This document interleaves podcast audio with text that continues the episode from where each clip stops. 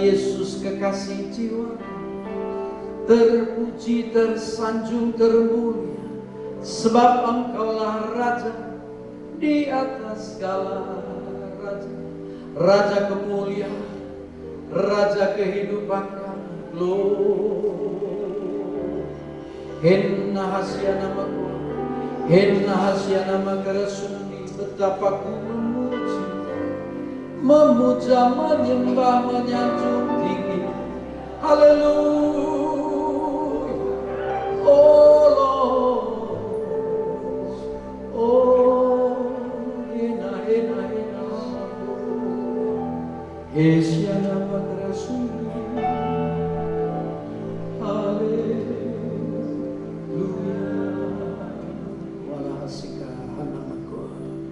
Terima kasih Bapak untuk saat indah dalam lawatan Tuhan malam hari ini. Dalam pujian dan sembah kami diberkati juga dipersiapkan untuk menyambut Tuhan melalui sabda, pemberitaan firman. Dan kini kami telah siap ujian penyembahan menjadikan hati kami tanah baik, tanah subur bagi benih yang akan ditabur yakni firman Tuhan. Dan firman adalah pribadi Tuhan sendiri Kuasa firman sangat sempurna dan tidak akan pernah kembali sia-sia. Cengkeram kami dari awal pertengahan hingga akhir buat kami mengerti. Dan dalam anugerah Tuhan sajalah kami melakukannya. Kami rindu semakin berkenan bahkan menyenangkan hati Tuhan. Kini urapi kami semua juga hambamu jelas dalam menyampaikan mudah diterima dan berkat besar turun atas kami semua. Terima kasih juga untuk otoritas dan wibawa yang Allah telah berikan sebagai perlengkapan. Itu sebabnya kami tidak akan membiarkan ada rintangan dalam bentuk apa pun ketika firman disampaikan. Kini kami satukan hati dan bertindak di dalam nama Tuhan Yesus Kristus. Kami patahkan semua rintangan dan hambatan kalau masih ada seketika kami perintahkan keluar dalam nama Yesus Kristus. Engkau sudah dikalahkan di kayu salib dan kau tidak memiliki sedikit pun bagian di dalamnya, sama sekali tidak. Dan ruangan ini pun sudah dipercik dengan darah Yesus, sudah dinyatakan ruang kehadiran Tuhan, ruang perjumpaan khusus kami dengan Tuhan dan Tuhan dengan kami. Roh Kudus seleluasa mungkin kau beracara menjamah kehidupan setiap kami. Berbicara ya Bapa, kami siap duduk diam dan mendengarkannya dalam nama Tuhan Yesus Kristus. Kami pun berdoa. Haleluya. Amin. Beri kemuliaan bagi Tuhan. Haleluya. Puji Tuhan. Shalom. Senang jumpa pasti karena Tuhan. Amin. Baik kita sudah diberkati dalam pujian penyembahan saatnya firman Tuhan. 1 Timotius 4 ayat 6 inilah obrolan kita hari ini. Sebelum ditayangkan saya ingin bertanya lebih dulu saudara-saudara. Jangan ditayangkan dulu kali supaya nggak ketahuan di awal. Saudara kalau suruh pilih untuk jadi bos atau pelayan kira-kira pilih mana? Pilih mana? Bos. Logikanya masuk karena punya landasan firman yang berkata kita tidak dijadikan ekor tapi kepala, tidak di bawah tapi di atas. Setuju tidak? Tapi firman hari ini kok bilang begini, saudara-saudara. 1 Timotius 4 ayat 6 mengatakan Dengan selalu mengingatkan hal-hal itu kepada saudara-saudara kita, engkau akan menjadi menjadi apa? Seorang pelayan Kristus Yesus yang baik terdidik dalam soal-soal pokok iman kita dan dalam ajaran sehat yang telah kau ikuti selama ini. Obrolan kita tentang menjadi seorang pelayan tapi bukan sembarang pelayan, saudara-saudara, karena penyebutannya pelayan Kristus Yesus, namun kategorinya yang juga harus dijaga. Kategorinya harus tetap baik, bukan pelayan abal-abal, bukan pelayan asal-asalan, tapi pelayan yang terus menjaga hidup agar Tuhan dimuliakan dan banyak jiwa diberkati. Amin, saudara-saudara. Nah, dari awal tadi sempat ditanya, kira-kira masih tertarik jadi bos? Belum dicabut karena penjelasannya kurang saudara-saudara. Baik, Pelayan di sini tidak dikaitkan dengan pelayan Yesus atau pelayan Tuhan Yesus, tapi pelayan Kristus Yesus. Apa maknanya? Kristus itu kurios. Kristus itu Yesus Hamazia. Kristus kalau dalam bahasa Inggris the anointing one, seorang yang sangat diurapi. Kalau udah muncul one itu kan tak tertandingi, saudara-saudara. Betul nggak? Coba saya tanya Anda nih, meleset sedikit sih. Pasangan Anda termasuk special one tak? Nah, kalau nggak jawab kumpulan orang terluka Anda. Halo? Loh, kalau pasangan kita special one, maka godaan sekuat apa pun di luar rumah, kita mampu menangkalnya. Setuju ya Bapak Ibu bahwa pasangan kita datang dari Tuhan itu yang terbaik? Wah, nggak jawab heran nih. Halo? Sudah-sudah baiklah. Setelah Allah kita dalam nama Yesus itu di special one. Seorang yang sangat diurapi. Karena berkaitan dengan kemaha, maha kuasa, maha agung, maha mulia, maha dahsyat, maha tahu, maha dalam segalanya. Kenapa beliau maha? Karena Yesus adalah Raja di atas segala raja. Dalam sebuah sistem pemerintahan kerajaan, raja itu sudah nggak ada yang bisa apa ya, yang setara nggak ada karena piramid saudaraku, ini sudah raja di atas segala raja. Wow, jadi yang sedang ditawarkan sekarang mau nggak jadi pelayan raja di atas segala raja? Kira-kira masih tetap pilih bos? Belum cukup data. Oke, saya tambahkan lagi ya. Kalau belum tertarik, saya tambahkan lagi.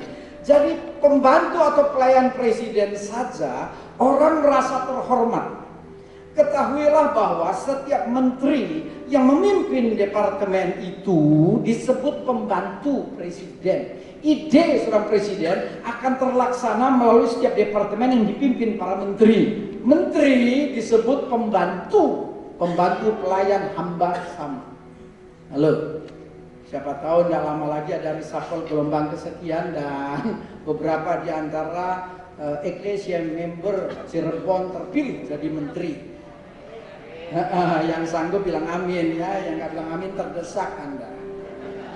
Saudara-saudara, jadi pelayan pembantu presiden saja sebuah kehormatan, apalagi pelayan raja di atas segala raja. Oh lumayan nambah tapi paling 30 persen.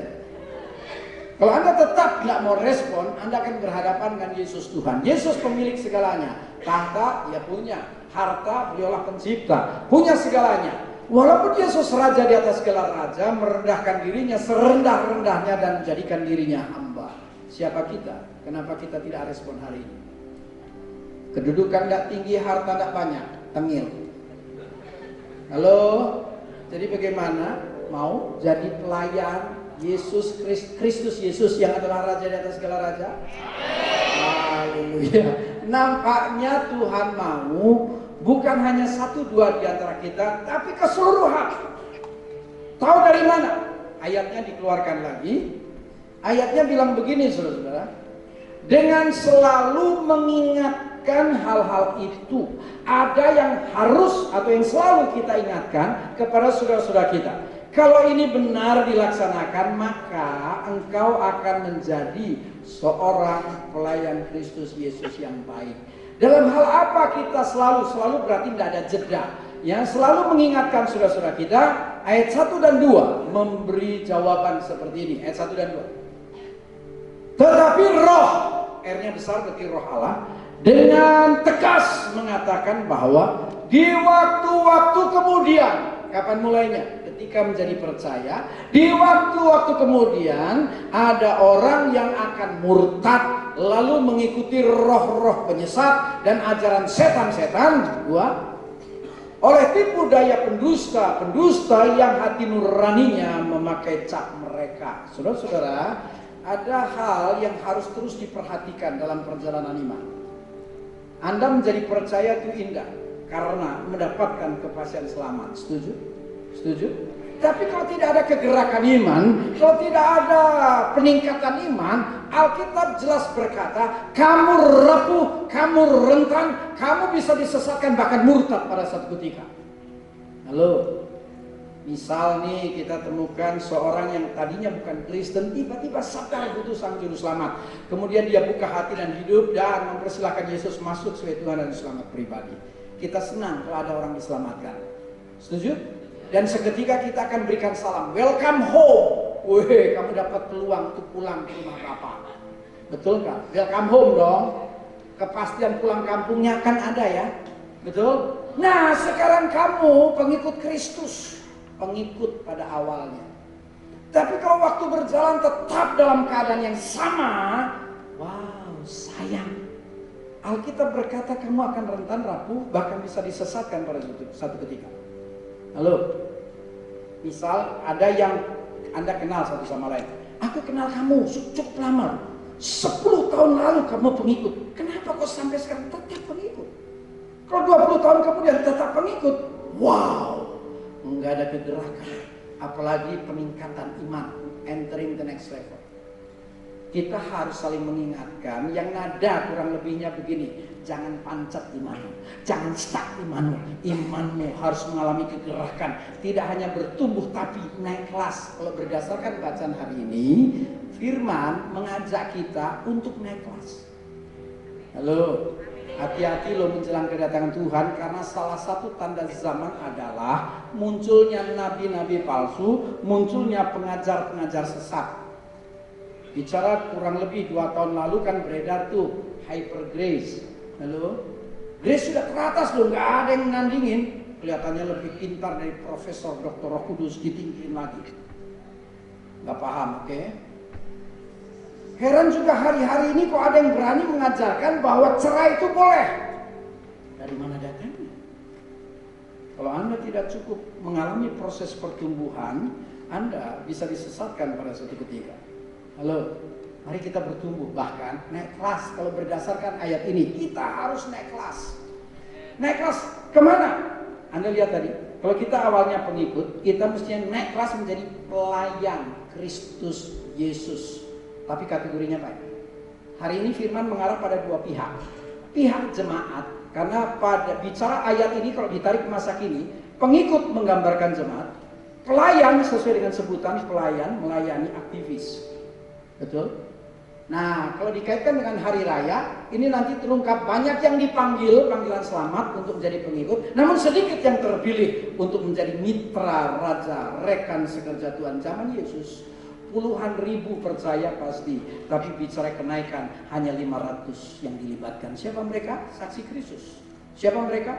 Murid Yesus. Orang yang berkarya, yang bekerja bersama Tuhan. Harap-harap kita bukan lagi jemaat. Karena sudah bukan masanya. Menjelang kedatangan Tuhan, kita semua harus bekerja bagi kerajaan. Amin. Kita harus naik kelas menjadi pelayan Kristus Yesus, tapi yang baik. Sebab kadang-kadang kalau tidak dijaga, Ya berapa tahun lalu on fire cinta mula-mula. Tapi waktu berjalan drop, drop, drop, drop, drop, drop. Sehingga tidak ada pelayan yang dipersiapkan. Sehingga untuk mencapai yang terbaik sudah tidak terjadi lagi. Sayang kalau itu terjadi. Betul tidak? Loh kadang-kadang nih saya sementara nunggu giliran, pendeta kan nunggu giliran. Yang tampil duluan kan di sini song leader, singer, tamborin dan seterusnya. Betul enggak? Kalau yang di depan tampil berikan yang terbaik dengan wajah jreng, you know. Wajah yang kelihatan mensyukuri Tuhan diberi kesempatan untuk melayani, senang saya. Tapi kadang-kadang di antara mereka yang tampil ada muka yang kelipet-lipet. Saya gemes lihat muka-muka seperti itu. Kadang kalau dia tetap tidak berubah, batin saya.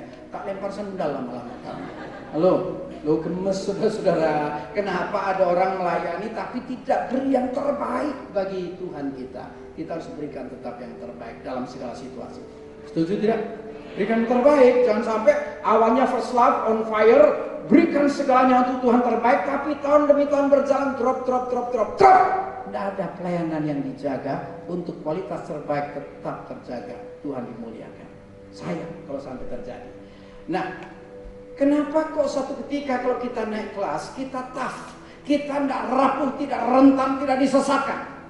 Ketahuilah bahwa kalau orang yang tadinya pengikut menggambarkan jemaat naik jadi pelayan, frekuensi pertemuan dengan pemimpin rohani akan meningkat. Setuju tidak ya? Setuju? Dan saya harus berikan garis bawah seperti ini. Pemimpin rohani di mana pun termasuk eklesia itu sudah mengalami penunjukan alias delegation of authority dari gembala agung. Sebuah komunitas kalau nantinya muncul pemimpin tidak tidak ujuk-ujuk. Bahasa Yunaninya ujuk-ujuk, enggak sadek saknyet, bahasa Ibraninya sadek saknyet. Halo, you know ujuk-ujuk sama deknyet? itu berproses saudara-saudara ada tangan yang tersembunyi yang tidak nampak, saya menyebutnya sebagai tangan roh kudus, hingga satu ketika menetapkan seseorang jadi pemimpin.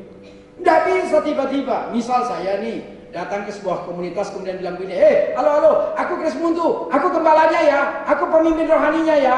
Mereka pasti, ih apaan, enak aja, ujuk-ujuk. Halo, kalau anda nggak paham, saya keluarkan terus nih bahasa Ibrani dan Yunani. Nah, kita jarang ketemu, tapi Anda terlalu tega dengan saya. Nah, saya rindu persahabatan. Menit pertama tampil saya langsung tersenyum. Tapi saya lihat Anda ke arah mana pun, Anda pelototin saya. Anda beraninya keroyok, kan Anda. Mau pelotot berdua lah kita. Halo? Beri. Nah, saudara-saudara, pemimpin rohani di mana pun, di eklesia ada pemimpin rohani enggak? Ketahuilah bahwa pemimpin rohani di mana saja itu sudah mengalami delegation of authority dari Gembala Agung. Berbahagialah Anda kalau Anda benar naik kelas karena apa? Karena frekuensi pertemuan dengan seorang pemimpin bercampak.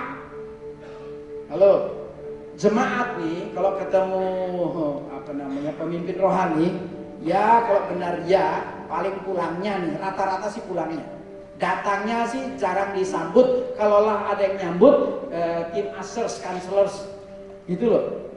Biasanya pemimpin rohani pulangnya itu pun sebentar doang. Shalom puji Tuhan glory haleluya. Betul tidak? Kalau ngomong lama-lama nggak bisa yang mau salaman banyak macet kalau kamu kelamaan. Kalau jemaatnya banyak ada kecenderungan pemimpin itu jemput bola. Nggak tunggu hadap-hadapan dia kasih salam. Masih miring begini langsung disamper puji Tuhan langsung dikeret cepat mulai macet eh cepat mulai halo halo halo. Lo kalau jemaat makin banyak? Itu kan kalau mau salaman nggak boleh lama-lama betul tidak?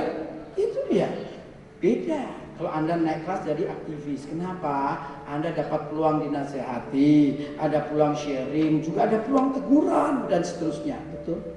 Semakin frekuensi pertemuan dengan pemimpin rohani meningkat, ketahuilah Anda akan mengalami setidaknya tiga hal.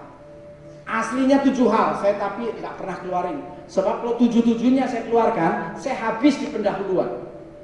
Halo, tolong jangan tuntut saya keluarkan tujuh-tujuhnya. Mau nggak mau, tetap tiga. Saya pengkhotbahnya, tetap oke. Oke?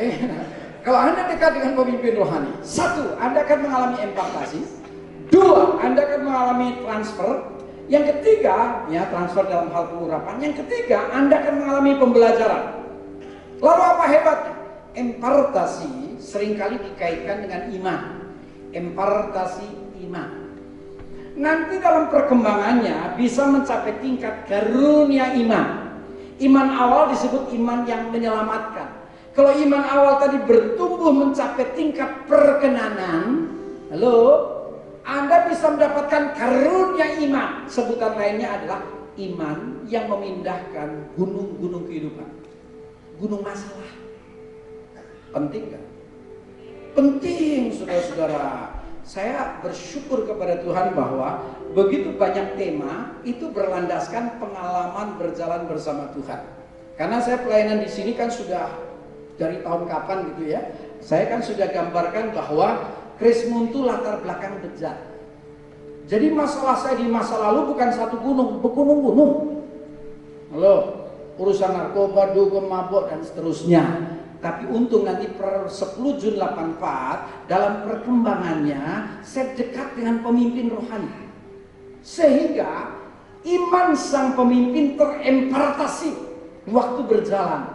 Gunung masalah hal narkoba dia beranjak, aku lega, dugem mabuk seterusnya dia beranjak dan benar satu ketika lepas dan aku mengalami kelegaan sesuai dengan sabda Tuhan marilah engkau yang letih lesu dan beban berat ku beri kelegaan kepada amin mungkin bahasa impartasi uh, agak rumit kali buat kalangan tertentu. Saya mudahkan begini, impartasi itu ketularan. Kalau Anda bergaul sama orang penyakitan, bisa ketularan penyakit nggak? Bisa. Kalau Anda bergaul sama pejina, pemabuk, penjudi, bisa ketularan sifat buruknya enggak? Bisa. Kalau Anda bergaul dengan seorang yang beriman, seorang pemimpin rohani yang sudah mendapatkan delegation authority, Anda bisa nggak imannya nular kepadamu? Bisa. Halo, betapa indah kalau Anda benar-benar naik kelas. Bukan sekedar mengalami pertumbuhan, Iman itu kan kadang dalam khotbah saya gambarkan begini. Ke mana pun aku pergi, aku menemukan tiga kelompok secara berjenjang. Kristen matang, mengkel mentah. Matang-matang rohani maturitas gitu ya saudaraku. Ini kelompok yang dengar firman 3 4 5 jam kuat. Mat, seteng, mengkel setengah matang dengar firman paling satu setengah jam. Yang mentah baru dengar firman 30 menit pantat so panas. Goyang kiri goyang kanan alasan ke toilet tapi nggak balik maksudnya sandiwara tipe tenang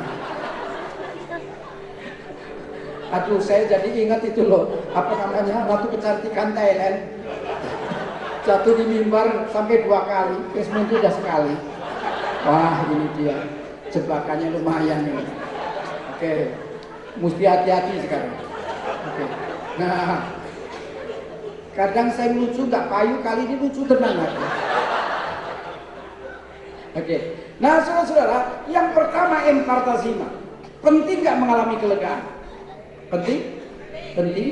Siapa yang kau bisa kau bisa dapatkan dari mana? Seorang pemimpin rohani.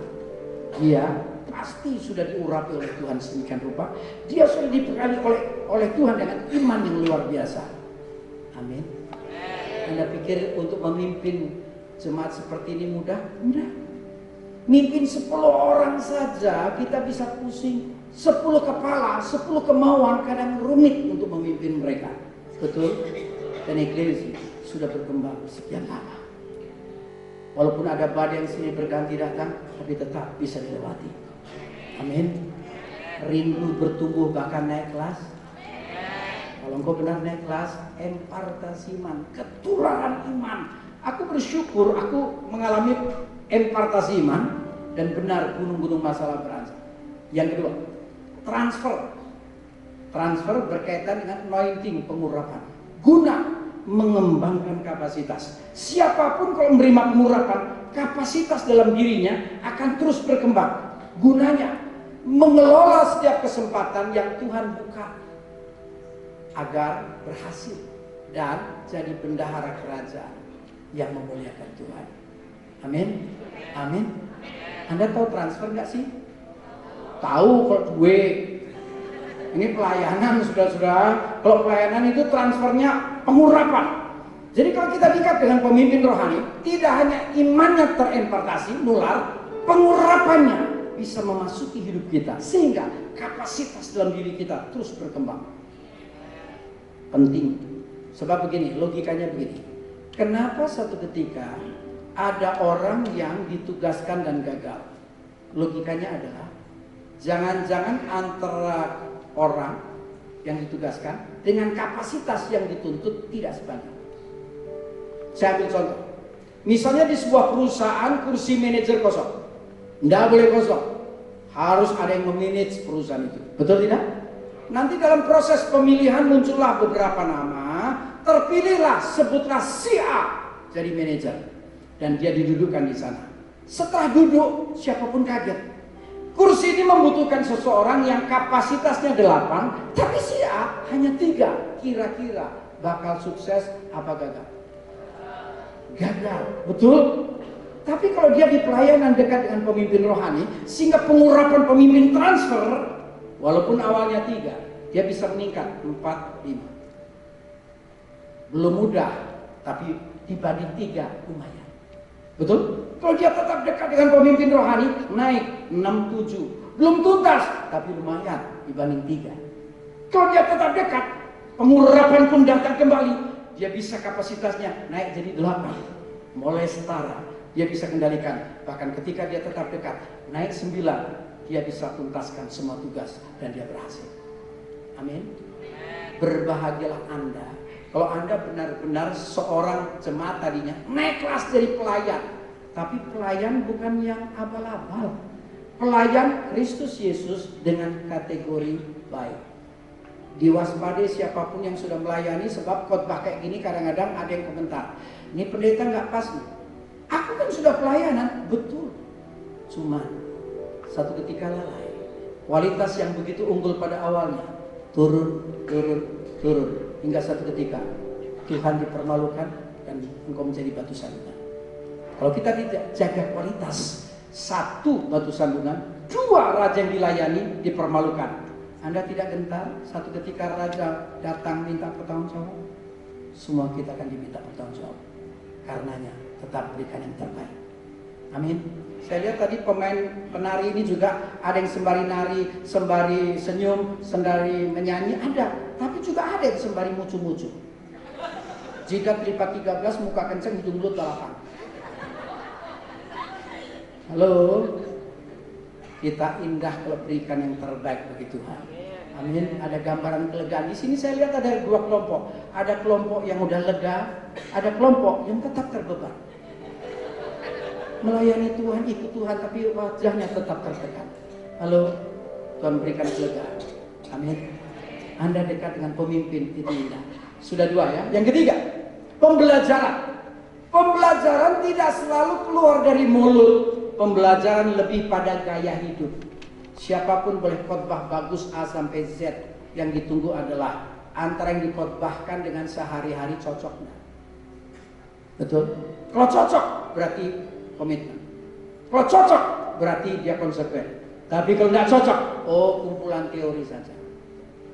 Betul? Dan saya lebih menekankan pada gaya hidup saudara-saudara. Kenapa? Ada seorang yang bisa diteladani. Jadi di awal perjalanan saya melayani, papa rohani saya khotbahnya begitu indah, saya kagum. Tapi begitu lihat gaya hidupnya, semakin indah. Kemudian saya bilang begini di hati, Waduh indah sekali ya. Ke mana pun pergi Tuhan dimuliakan. Ke mana pun pergi banyak jiwa diberkati. Muncul sebuah motivasi. Satu ketika aku kepengen punya hidup seperti ini. Muncul motivasi sehingga mempercepat saya tinggalkan masa lalu menuju ke masa depan di mana Tuhan dimuliakan dan jiwa-jiwa diberkati. Amin. Tiga hal kalau kau naik kelas tadinya hanya pengikut naik jadi pelayan aktivis tapi kategorinya baik. Iman terempatasi, engkau lega, pengurapan transfer, kapasitas kembangkan sukses, begitu motivasi melalui pembelajaran, engkau makin cepat untuk bertumbuh dan memuliakan Tuhan. Amin. Anda tidak mudah disesatkan lagi. Anda tidak rentan, tidak rapuh lagi. Saya mau lanjutkan begini. Berbahagialah Anda kalau ambil keputusan. Kenapa? Coba tayangkan lagi ayat 6. Ayat 6 bilang begini. Ayat 6 mengatakan, kalau saja kita menjadi seorang pelayan Kristus Yesus yang baik, Alkitab jelas berkata, kita bakal terdidik dalam dua hal. Yang pertama dalam soal-soal pokok iman. Yang kedua dalam ajaran sehat yang telah kau ikuti selama ini. Saya tunda penjelasan tentang dua hal, saya konsentrasi pada kata terdidik. Kalau kau benar pelayan raja dengan kategori baik. Raja yang kau layani mengkondisikan Anda hingga satu ketika mencapai satu tingkat kehidupan di mana orang berkata, ini orang terdidik. Halo? Terdidik. Terdidik ternyata bisa dilihat dari dua sudut pandang. Dari sudut pandang keilmuan disebut cendekiawan. Pernah dengar kelompok cendekiawan? Ini komunitas pandai. Orang belum pandai, apalagi anak Tuhan, kita membuktikan diri bahwa kita ini anak sang kreator yang super kreatif dan tidak akan pernah mati langkah.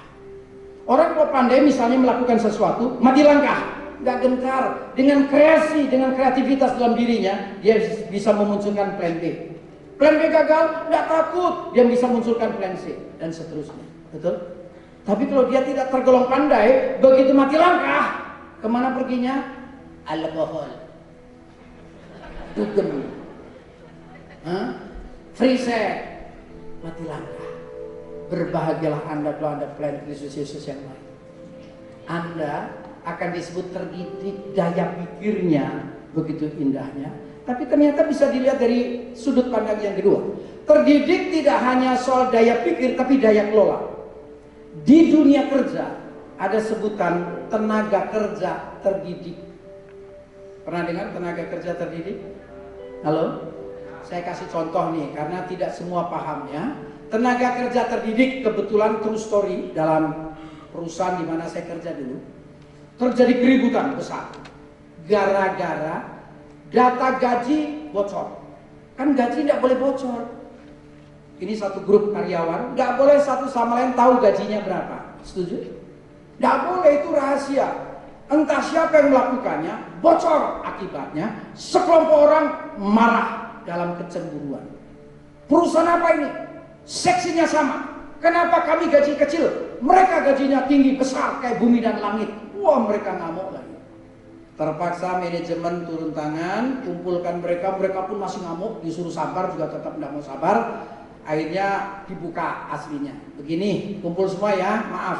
Ayo kumpul semua dengar arahan. Kalian tidak tidak bisa terima gaji sepertinya berbeda jauh. Jelas, perusahaan tidak adil.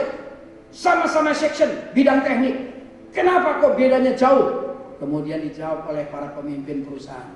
Begini ya, bidang teknik betul sama, Cuma kelompok ini kenapa gajinya tinggi? Mereka teknik, lulusan ITB, kamu teknik, lulusan STM. Halo? Nangkep nggak tuh? Sama T tengahnya sama. Tapi yang sono tuh I sama B, kamu S sama M. Nggak paham ya? Halo? Lu zaman dulu itu kan ada kampus yang hebat-hebat. Kami kalau lulus saling bertanya, terima mana kamu? UI, tok. Mana UGM? Hebat. Terima mana? Bandung. Bandung yang mana? Bandung banyak. ITG, uh hebat luar biasa. Tidak paham ya, ini universitasnya negeri semua di sini. Paham? Kalau dulu itu ada kampus-kampus hebat saudara-saudara. Nah di dunia kerja ada sebutan tenaga kerja terdidik. Halo, Ter, ternyata kata terdidik bisa soal daya pikir, berarti dia limpah ilmu, nggak akan mati langkah. Yang kedua daya kelola. Nanti di Alkitab disebut multi talents, tapi di tengah masyarakat sebutannya bertangan dingin. Pernah dengar kata bertangan dingin enggak? Enggak jawab, oke, mau nggak mau saya kasih contoh. Anda nggak tahu sakit gigi apa, apa terus nggak menjawab. Loh, ini saya pergumulannya lumayan Iya.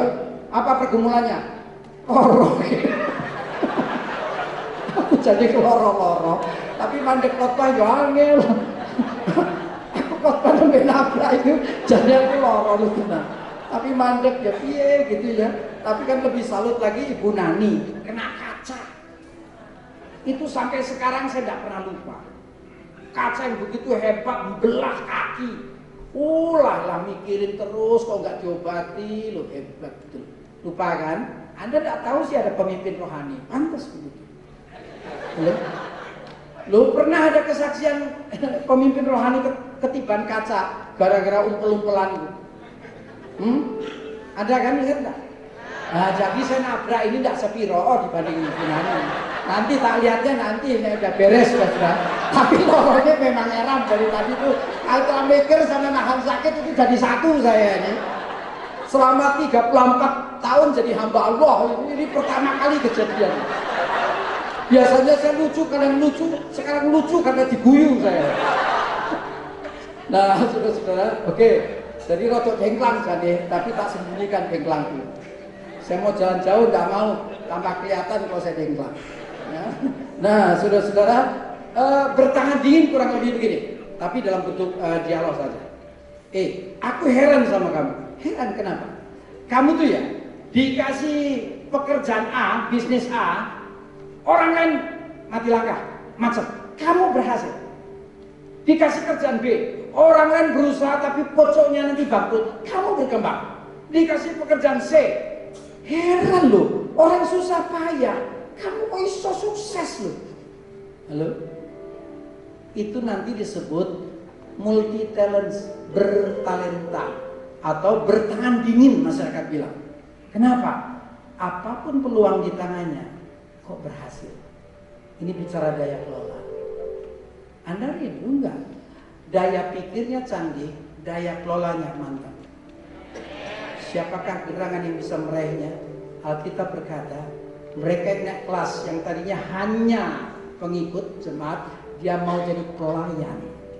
Raja di atas segala raja, tapi jaga kualitas sampai kapan pun juga. Amin.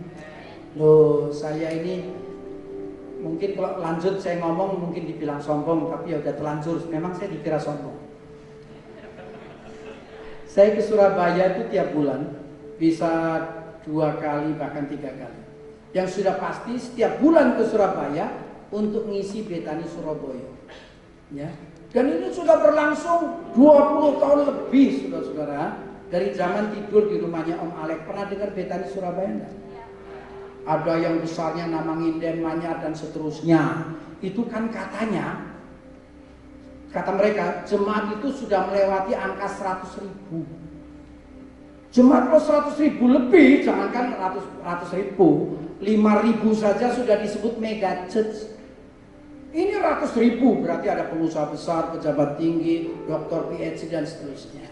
Ada tim yang terus mengevaluasi pembicara. Halo? Seringkali mereka ketemu dan ini boleh, ini jangan, ini boleh, ini jangan, ini boleh, ini jangan. Kenapa? Kadang diundang sekali terbang, dua kali muter, tiga kali nyungsep dan mereka bilang coret entah ilmunya saya diundang lagi kalau bisa bertahan segitu lama semata-mata karena reward dari raja di atas segala raja. Amin. Tidak mudah memang satu ketika ada sesuatu yang berat harus ditanggung. Tapi upayakan sebaik mungkin. Dan Tuhan akan buka jalan. Amin. Jadi seorang yang terdidik. Adik-adik mau nggak jadi orang terdidik? Biasanya orang terdidik akan jadi alam atau orang bertanya. Seneng tanya sama orang pinter apa orang bodoh? Salah tanya tambah pusing gitu. Ya kan? Tapi kalau kita ketemu orang pandai selalu mengarah pada solusi. Amin. Hamba Tuhan kan kadang-kadang berpikir gini, aku di sekolah berapa disiplin ilmu ya. Contoh, pelayanan PD, persekutuan doa, tentara, TNI, konseling pelayanan PD kepolisian, kepolisian konseling, pelayanan full gospel business and fellowship internasional, pengusaha konseling, pelayanan dunia kampus tidak hanya mahasiswa, saat dosen-dosen konseling. Lama-lama pikir ilmuku seberapa sebenarnya? Kok semua orang kok tanya rasa-rasanya? Halo, kadang-kadang kita baru you know kongko? Bahasa Jawa Timur itu cangkruan. Ya, bahasa kene apa ya? Ngomong bareng rame-rame kayak gue. Hmm. maksudnya kongko, kongko ya. Satu ketika dalam obrolan, tidak dalam rangka konseling, sharing atau ditanya, tiba-tiba bilang, terima kasih Pak. Terima kasih apa? Itu kalimat tadi ternyata solusi Pak. Saya udah punya masalah tahunan dan saya diingatkan ini solusinya. Oh, kalimat merucut saya dianggap ini. Loh itu kan obrolan biasa saudara-saudara. Beda kalau dia tanya, kalau dia tanya kan saya mungkin mikir Roh Kudus mohon bimbingan. Ini kan ngobrol biasa. Tiba-tiba kalimat tertentu, Pak terima kasih, itu solusi Pak. Berbahagialah Anda kalau Anda pelayan Raja di atas segala Raja. Kenapa? Raja mengkondisikan Anda untuk satu ketika Anda dikenal sebagai orang yang terdidik. Daya pikirnya canggih, daya kelolanya mantap. Prestasi yang diraih bukan di atas standar saja akan membuat orang terperangah dan terkagum-kagum. Amin. Rindu tidak? Rindu tidak? Kalau rindu kan tadi berawal dengan menciptakan komunitas yang selalu mengingatkan. Jangan sampai pancet iman, jangan sampai stuck iman. Ayo bertumbuh jadi pelayan Kristus Yesus. Kalau benar merindukannya, praktek dulu. Coba tanya sama tetangga kiri apa ke kanan, ya bilang imanmu jangan sampai berhenti. Ayo bertumbuh, naik kelas malah. Ayo bilang tuh, waduh, kelihatannya nggak siap ini ya. Halo, Siap untuk saling mengingatkan, selalu mengingatkan. Minggu depan tanya lagi, gimana imanmu tumbuh? Baca Alkitabnya tertib, pujian penyembahannya intim, doanya juga.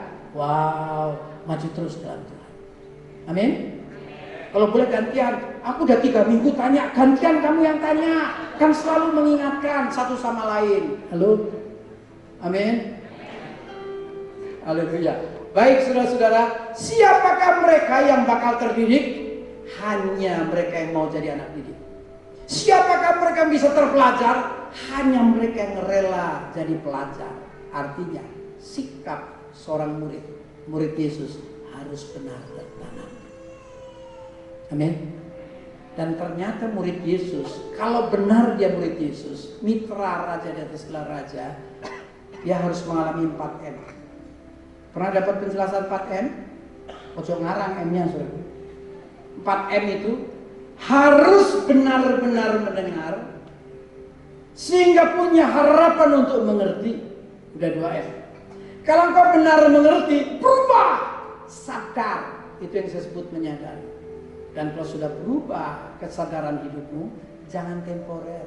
Pertahankan, minta di follow up roh kudus. Sehingga hidupmu dalam keseharian bersama Tuhan, dalam lawatan Tuhan. Itu penghayatan. Menghayati. Halo? Sekarang firman diberitakan. Anda mendengar? Sungguh mendengar? Saya khawatir sekedar mendengar. Kalau Anda sekedar mendengar masuk kiri lompat kanan atau masuk kanan, meler. Kalau dalam bahasa Inggris lebih mudah. Harap Anda sungguh menyimak. Takutnya, you are here but never listen.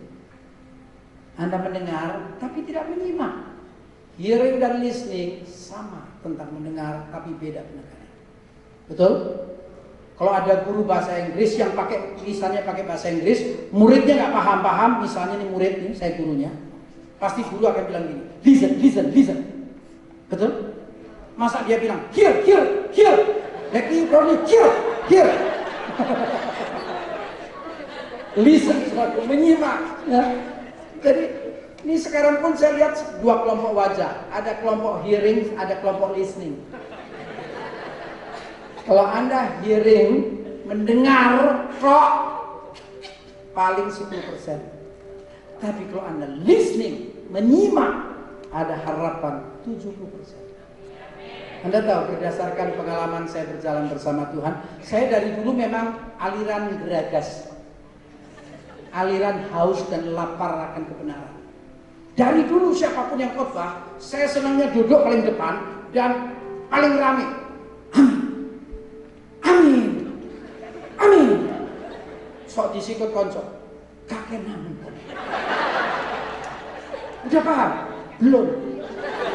Yang penting, amin. Loh, walaupun baru tahu 10%, selebihnya ditolong roh kudus. Daripada tahu 90% tapi menang. Mendingan saya tahu 10% tapi baru 10%. Amin. Amin. Saya malah pernah ditegur Kak Jer.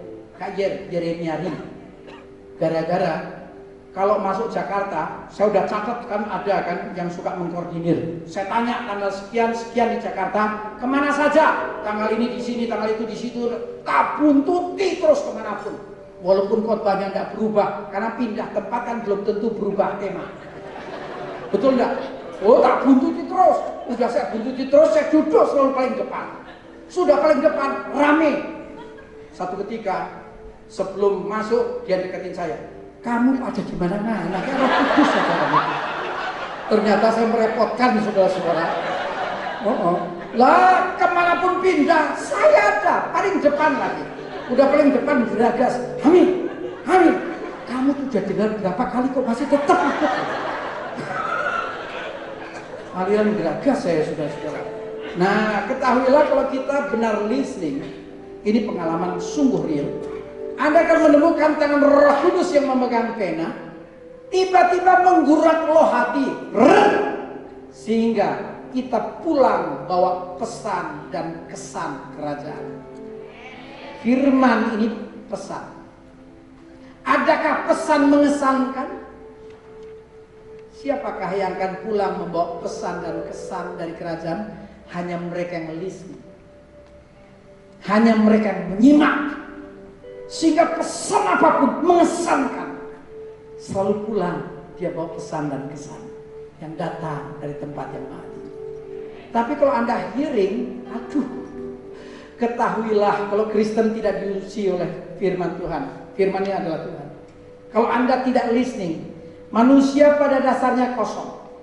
Datang nih ke ibadah, dasarnya kosong, pulang lompong sampai rumah bengong. Tidak pernah bawa apa-apa. Kenapa? Jadi Anda wajah hearing tolong berubah. Wajah listening saya semangat biar Anda yang listening. Halo? Puji Tuhan. Nah, kalau benar mendengar, Anda mengerti. Halo? Bisa 70% beritanya kau tangkap. Kalau kau mengerti, harusnya berubah. Loh, saya kasih gambaran gini nih. Saya dulu ngerokok sehari tiga bungkus, masih plus rokok lenting alias gele. Kenapa enggak lagi? Begitu ngerti, tinggalkan. Tidak paham ya, ini kumpulan kudus memang susah. Gini, gini ya. Urusan rokok nih, nanti kalau ada orang rokok deketi. Eh enak rokok dek? Enak lah. Oh, enak sekali. Oh, enak sekali. Ya. Tahu ngerti enggak rokok enggak bagus untuk kesehatan? Ya tahu iklannya ada kok rokok membunuhmu. Malah ada gambar paru gosong. Tahu kan iklan rokok? Eh, yang nggak manggut nih kelihatannya memang putus dari semuanya. Yang manggut jangan-jangan teman lama ini, teman lama ini. Cuman mantan, biasanya mantan. Kalau udah di sini mantan. Nah, enak enak. Ngerti kalau nggak baik untuk kesehatan? Ngerti. Ada iklan, ada gambar. Kok ngerti kok tetap ngerokok? Oh, ngerti kok sadar tidak. Loh, orang ngebut kecicilan kamu ngerti membahayakan dirimu dan sesamamu. Ngerti. Kok tetap kecicilan? Ngerti kok kamu. Gak pernah sadar. Firman disampaikan. Ngerti? Takut terjebak, gak mau jawab. Anda dengar firman ngerti enggak? Mana perubahan? Karena firman utamanya bukan konsumsi otak, tapi konsumsi hati nanti dibuktikan dalam perubahan keseharian. Amin. Kalau benar mendengar engkau punya harapan mengerti, kalau benar mengerti pasti berubah. Berubah Power Rangers. Oke, okay? harapannya adalah perubahan itu tidak temporer. Kadang-kadang kalau pas dilawatkan itu, wih semangat dilawat Tuhan. Oh haleluya Tuhan, terima kasih itu zaman lawatan Tuhan. Aku berubah Tuhan, tapi saya temporer. Masuk grup semangat Coca-Cola. Pagi jamaah, just begitu pulang hmm, itu semangat Coca-Cola kalau di Jawa Tengah itu semangat anget-anget itu nyayang pas keluar ngebul gak lama kemudian adem Bing Selamat bilangin segituan halo semoga anda tidak termasuk halo minta follow up saya di awal perjalanan jatuh bangun saya tahu perubahan itu indah Tuhan tolong aku Tuhan Aku mohon engkau terus follow up perubahan dalam diriku. Anda tahu nantinya? Firman itu bisa jadi pagar, pagar kehidupan. Firman itu bisa pemandu hidup. Ada lagunya, firmanmu pelita bagi kakiku dan terang bagi jalan. Pagar, misalnya kita on the track nih sebagai anak Tuhan hidup benar. Satu ketika ada pemicu pelanggaran. Bisa nggak? Pemicu, pemicu, godaan, godaan, bisa nggak? Anda jaim banget loh diajak ngomong loh. Ini dari awal jadi tidak enak banget nih. Dari awal tidak enak, pembicara sama pendengar pelotot-pelototan tidak enak. Saya harapannya kan ada sahabat persahabatan ya. Ya kita sedang on the track nih. Tahu-tahu ada pemicu untuk berbuat dosa dan tiba-tiba daging kita nih meronta, eh merespon secara spontan. Oh, ini spontan dan menarik kan gitu. Hah? Saya dramatisir. Sama halnya kalau orang masuk restoran gitu loh. Ya, ada makanan yang disukai, ada yang enggak. Kalau enggak disukai kan, oh iya, oh iya. Pas yang ada, oh. Beda kan, beda ya. Saya berusaha dramatisasi walaupun sakit sikilku. Tak tahu Lukas berapa, saya tidak mau lihat, malu juga saya.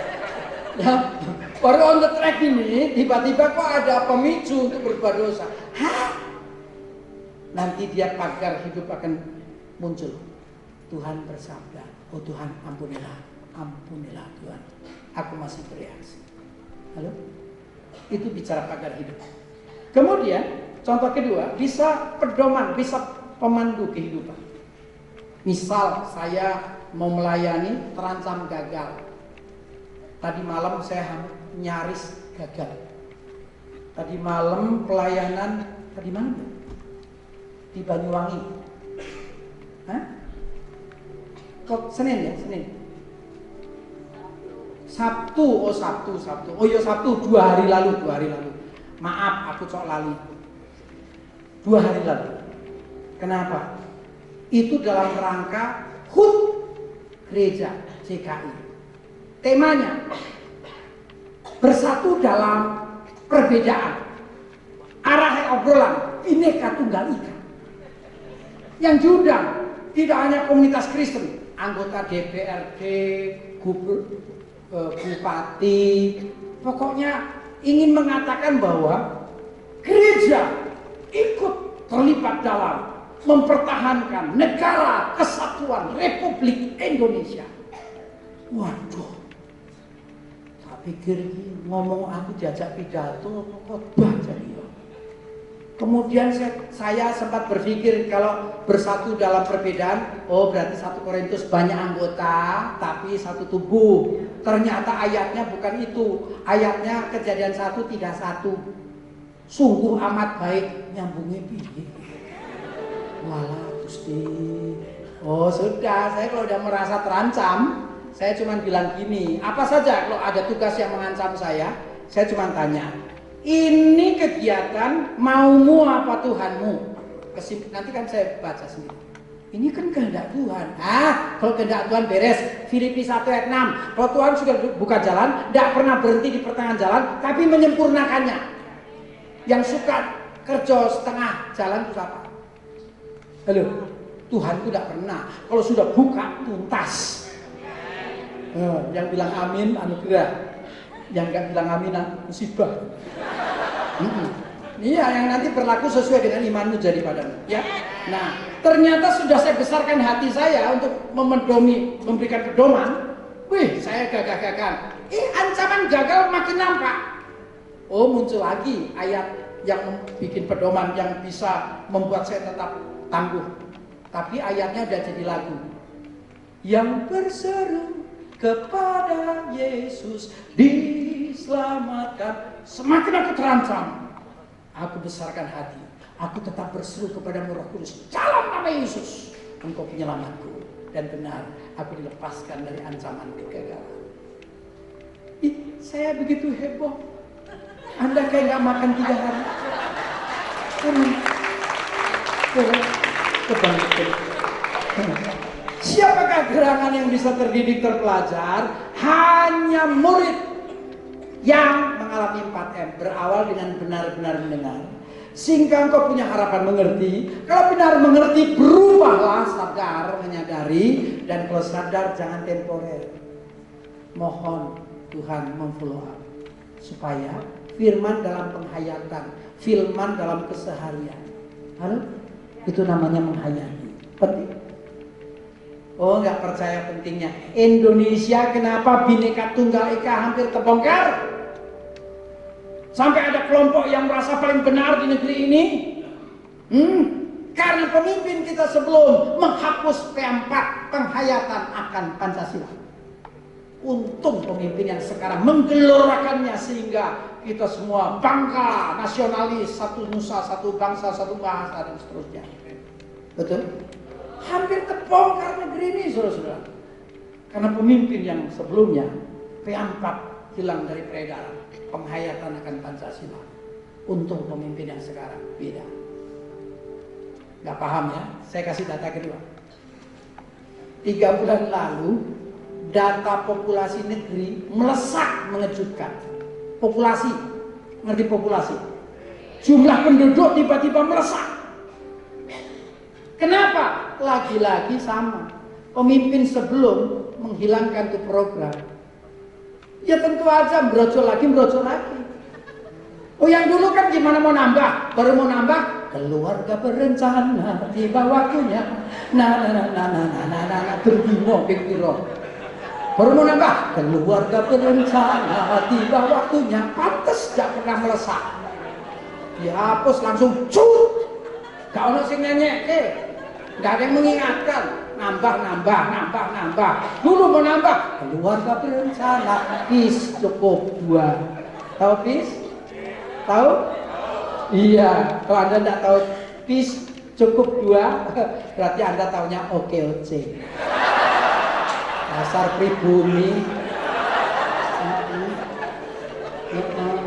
Padahal pribumi di zaman Londo itu asu. Londo kono ya kan dilarang masuk sini inlander sama anjing. Oh. oh.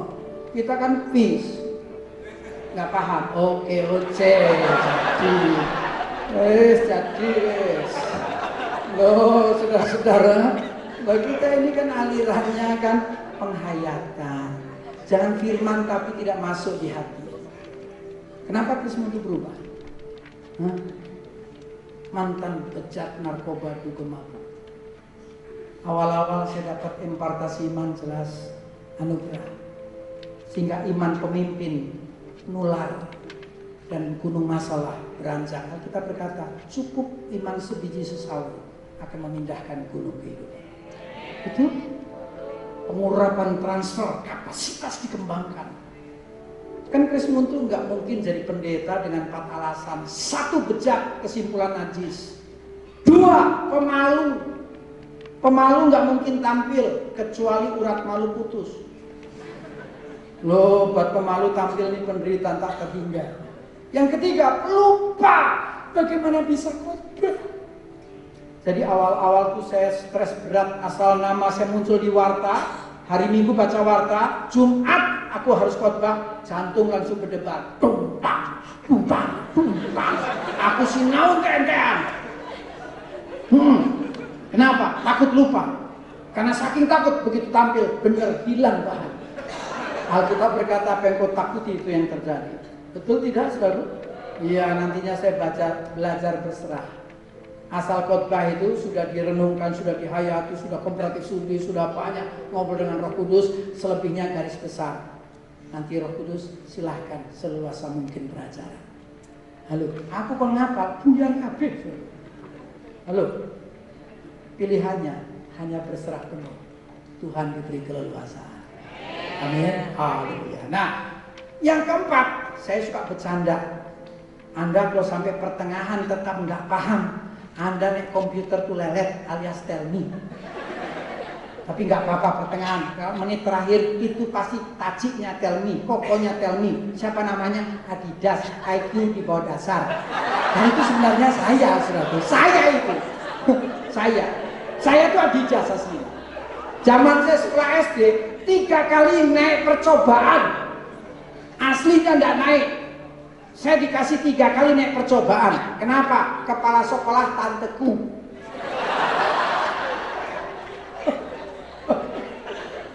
Aduh ampun ya. Hidupku ini betul-betul karena anugerah saudara eh hidup kita semua karena anugerah. Hmm? kalau kita mau naik kelas yang tadinya hanya pengikut naik. Bukan hanya sekedar bertumbuh ya. Tapi naik kelas jadi pelayan Kristus Yesus kategori baik dikondisikan. Sepertinya ada reward dari raja yang kau layani agar kau mencapai satu tingkat dan orang mengatakan ini orang terdidik. Daya pikirnya bagus. Daya kelolanya canggih. Amin. Halo. Oke baru saya masuk tentang terdidik dalam dua hal. Jadi mau ya? Mau ya? Jadi seorang yang daya pikir dan daya kelolanya bagus.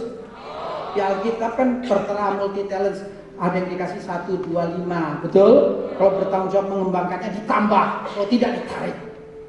Nah, baru saya akan jelaskan tentang kita terdidik dalam dua hal. Tolong munculkan lagi ayatnya. Dua hal. Yang pertama dalam ayat 6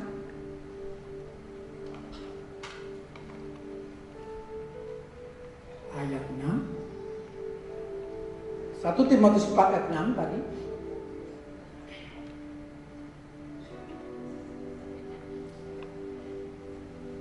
Terdidik dalam soal-soal pokok iman. Halo.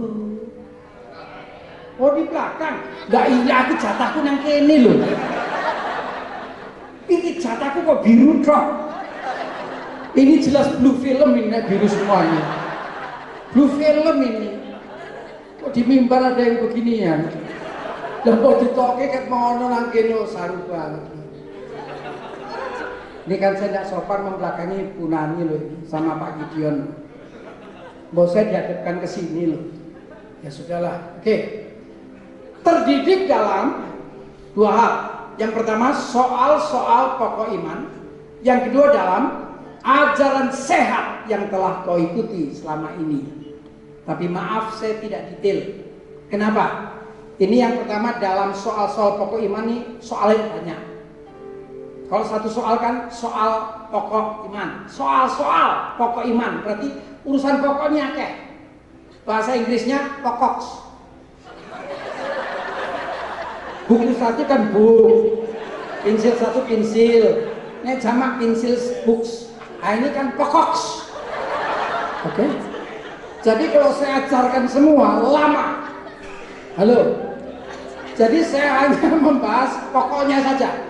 Halo. Oke, mau nggak mau begitu saya pengkhotbahnya. Kalau nggak sampai pagi ya. Pokok itu hal yang diutamakan. Ya mudahnya lagu sekolah minggu Yesus pokok kita jarang. Oke, jadi pokok hal yang diutamakan atau sesuatu yang nggak bisa ditawar. Pokok hal-hal yang mendasar.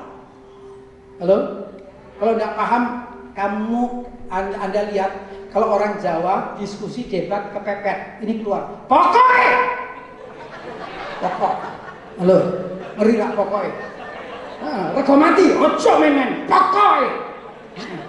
Halo, paham ya? Pokok ini tentang pemahaman dasar iman Kristen. Artinya, ini bicara tentang pemahaman dasar, fondasi iman. Kalau fondasi imannya kokoh, bangunan iman, ajaran sehat itu bisa menjulang. Iman tumbuh berdasar pendengaran akan firman. Halo. Jadi apa pun bangunan, iman kan dibilang bangunan, bangunan iman. Gedung satu ketika ada yang sepakat bangun lima lantai. Perhitungan awal fondasi harus kuat untuk lima tingkat. Kalau sampai ada yang bilang gak setuju, aku mau 10 tingkat, tidak boleh dilanjutkan. Hitung lagi kekuatan fondasi. Betul? Berawal dengan fondasi sama. Pemahaman iman Kristen kita harus kokoh. Kalau ini kokoh, maka bangunan iman bisa 1, 2, 3, 4, 5 seterusnya. Di Alkitab digambarkan dua rumah, satu di atas pasir, satu di atas batu. Begitu goncang, yang rontoknya. Pasir, kenapa yang satu tidak goncang? Tidak rontok. Karena kokoh fondasinya. Sama iman Kristen juga begitu. Oke? Okay?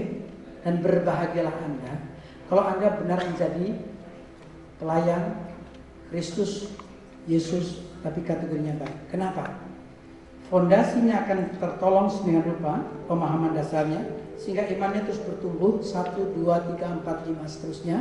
Dan satu ketika engkau akan menjumpai sebuah kebenaran yang tertulis dari kejadian 22 Allah menyediakan. Jehovah Jireh.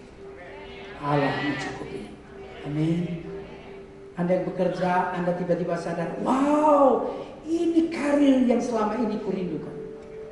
Allah telah membukanya wow ini bisnis yang kudampakan selama ini dan Tuhan sudah sampai pada kairos waktunya untuk memberikannya padamu Halo? Kita semua rindu segala yang terbaik, termasuk masa depan yang cerah, ceria, penuh pengharapan. Amin. Dan juga jomblo, jomblo.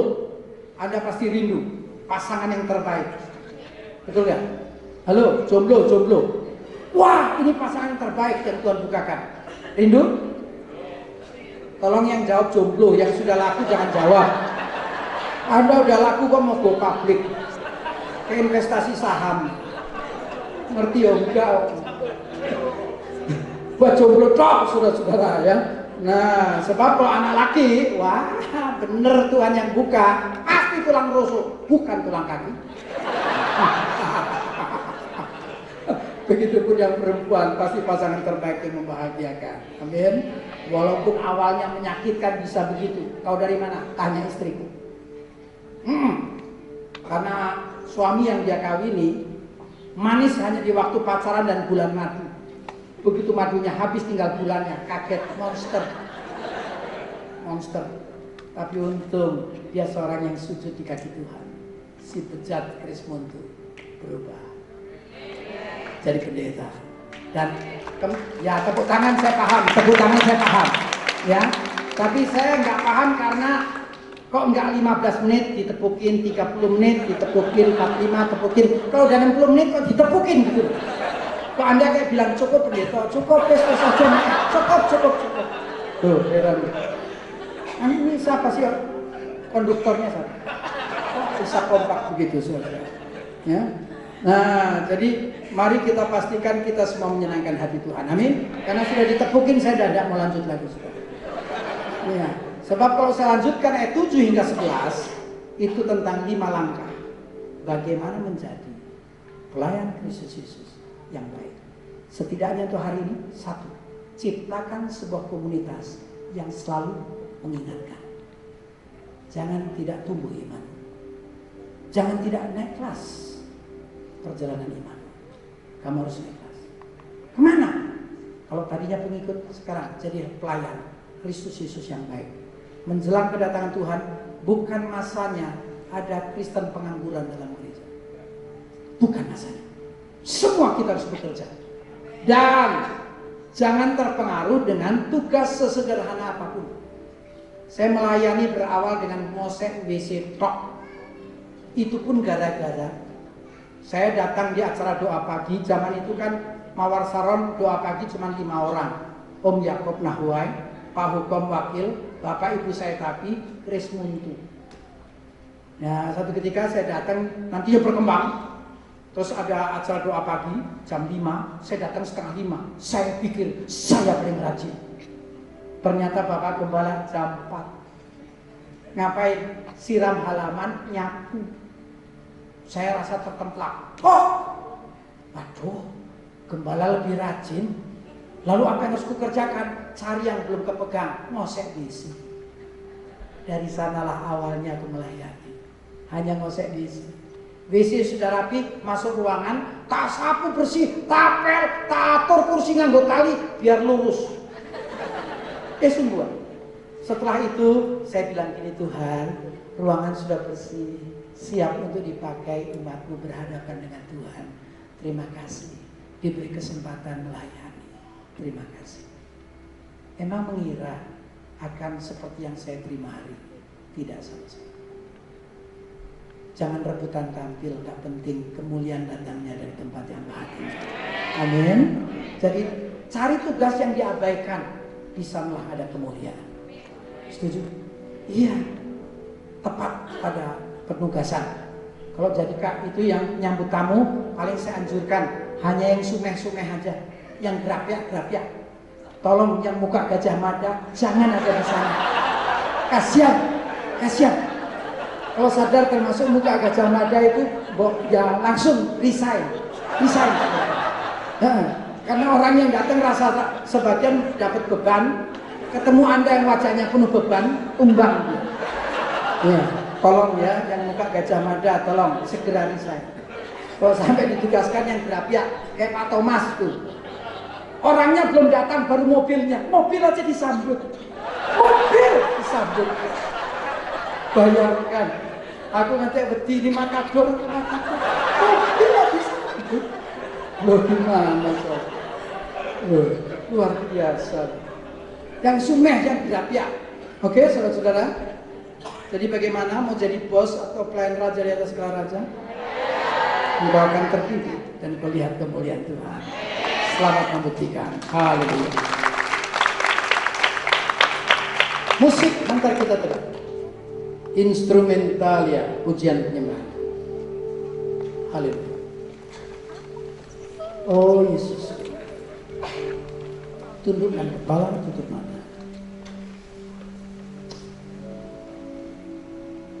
Mazmur katakan setelah setelah membaca sejumlah ayat berhentilah sejenak dan renungkan. Saya himbau selah setelah aku mendengar sabda. Sembari berkata roh kudus, perjelas rema hari ini. Rema hari ini untuk komunitas. Ayo ciptakan sebuah kumpulan anak Tuhan yang care. Sebuah komunitas yang selalu mengingatkan. Jangan sampai ada yang tidak bertumbuh imannya. Tidak naik kelas imannya. Sebab dengan cara demikian, kita masing-masing akan menjadi pelayan Kristus Yesus yang baik. Berbahagialah Anda yang melayani. Semakin dekat dengan pemimpin rohani, Anda akan mengalami empartasi dan fantasi ulaga. Anda akan mengalami transfer pengurapan, pantas kapasitasmu ditumbuh kembangkan. Engkau akan mengalami pembelajaran dari mulut dan dari gaya hidup. Pantas motivasimu kuat untuk semakin memuliakan Tuhan dan memberkati sesama. Dan engkau tidak ragu lagi. Engkau tidak rentan untuk disesatkan apa yang murtad. Bahkan Raja yang melayani membuatmu terdidik pada saatnya. Engkau pun akan terkejut. Saya pun terkejut. Engkau akan dibekali olehnya dengan daya pikir dan daya kelola. Semua ada di firman. Semua ada. Kenapa punya daya pikir? Karena kita anak sang kreator yang super kreatif. Lex Lexa. Kenapa kita punya daya kelola? Alkitab berkata multi talents. Bertalenta. Tuhan gambarkan satu, dua, dan lima. Kalau kau bertanggung jawab, tambahkan. Tuhan akan menambahkan. Pantas banyak peluang dibuka di tanganmu berhasil. Sementara orang lain mengalami kesulitan, bahkan terhenti. Berbahagialah Anda sebagai mitra Raja di atas segala Raja. Bebaskan rohmu dalam menyembah. Hei saudara, Hikka hasya nama Haleluya, glory. Oh Yesus, kekasih jiwa. Betapa ku memuji, memuja, menyembah, menyanjung tinggi. Haleluya. Tiada yang lain. Yesus Tuhan. Maha agung, maha mulia. Yesus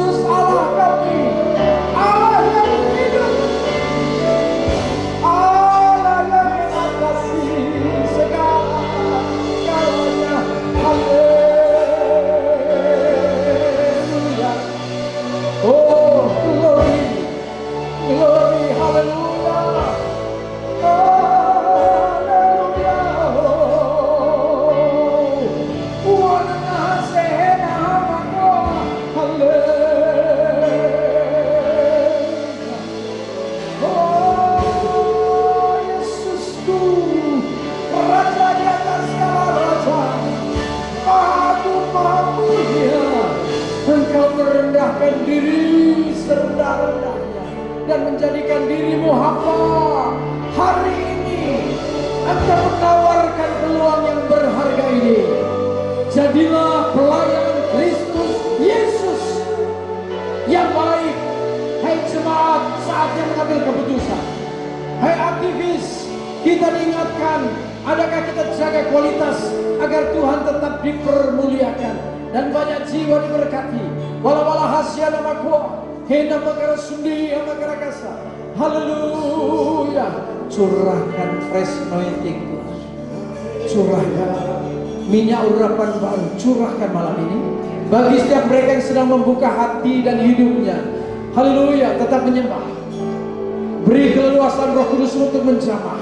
Curahkan fresh anointing minyak urapan baru. Isi bencana hidup umatmu anak-anakmu yang sedang mengambil keputusan menjadi pelayanmu. Oh haleluya.